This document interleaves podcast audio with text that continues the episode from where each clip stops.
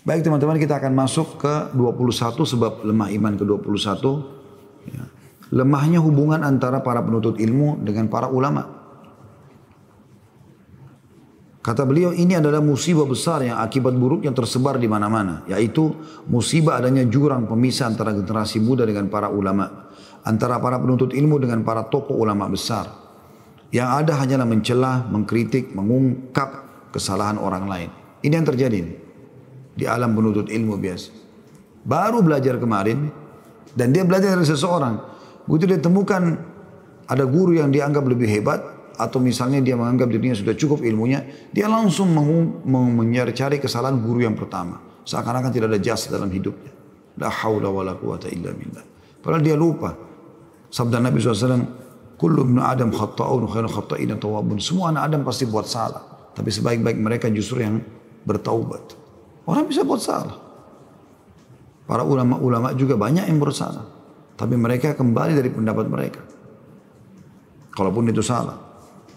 Ini yang unik. Kadang-kadang mereka kerjanya cuma mencela, mengkritik, mengungkap kesalahan orang lain.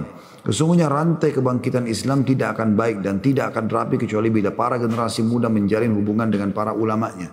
Mendekati mereka, mengambil pelajaran dari pengalaman panjang mereka karena mereka telah menyelami dunia ilmu dan permasalahannya. Mereka telah mengetahui rahasia-rahasia hati dan cara penanggulangannya. Ya, subhanallah saya kadang-kadang sedih kalau melihat medsos kita di Indonesia. Ini sering saya bahasakan ya.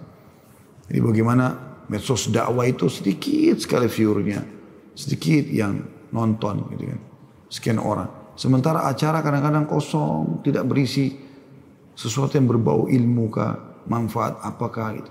Itu luar biasa ramai. Gitu. La haula wa la quwata illa billah. Jadi ada jarak antara generasi muda Islam dengan para ulama-ulama mereka.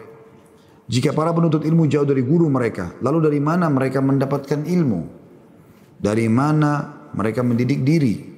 Dari mana mereka mengetahui aib-aib dan kekurangan mereka sendiri? Dari mana bisa mereka mengenal Tuhannya? Dari mana bisa mereka meyakini kebenaran malaikat? Dari mana mereka bisa merenungi dan mentadaburi isi-isi ayat Al-Quran? Dari mana mereka bisa mengetahui dan merenungi tentang adanya alam barzah, ada siksa kubur, ada nikmat kubur, ada hisab hari kiamat, ada surga dan neraka. Oleh karena itu, kata beliau, Anda sering mendapatkan di dalam kehidupan orang yang konsisten atau istiqamah, ketika mereka menjauhkan diri dari para ulama, Anda akan temukan perpecahan dan kekacauan yang kadang mengancam kelangsungan kebangkitan Islam. Ini subhanallah di zaman kita sekarang banyak sekali. Nah, ini penyakit biasa. Mereka baru belajar sedikit, tiba-tiba mereka menjauh dari guru-guru mereka. Tidak akan mungkin kita bisa belajar teman-teman sekali dua kali bertemu. 10, 20 kali, 100, 200 kali. Kita tidak akan belajar maksimal dari guru kita kecuali kita belajar sampai mati guru itu. Kalau dia mati, maka ilmu yang dia miliki akan pergi bersama dia. Andalah generasi Lemahnya hubungan antara penuntut ilmu dengan para ulama merupakan faktor penyebab timbulnya kelemahan sikap konsisten dalam kehidupan beragama. Suatu akibat yang tidak diragukan lagi dan hal ini akan terlihat dengan jelas kepada mereka yang tidak memiliki hubungan baik dengan para ulama. Tidak pernah tahu namanya ulama ini siapa, karangan bukunya apa, gitu kan. Tidak pernah sama sekali coba mengunjungi mereka. Atau minimal rutin mengikuti nasihat-nasihatnya dan menyebarluaskan fatwa-fatwanya misal.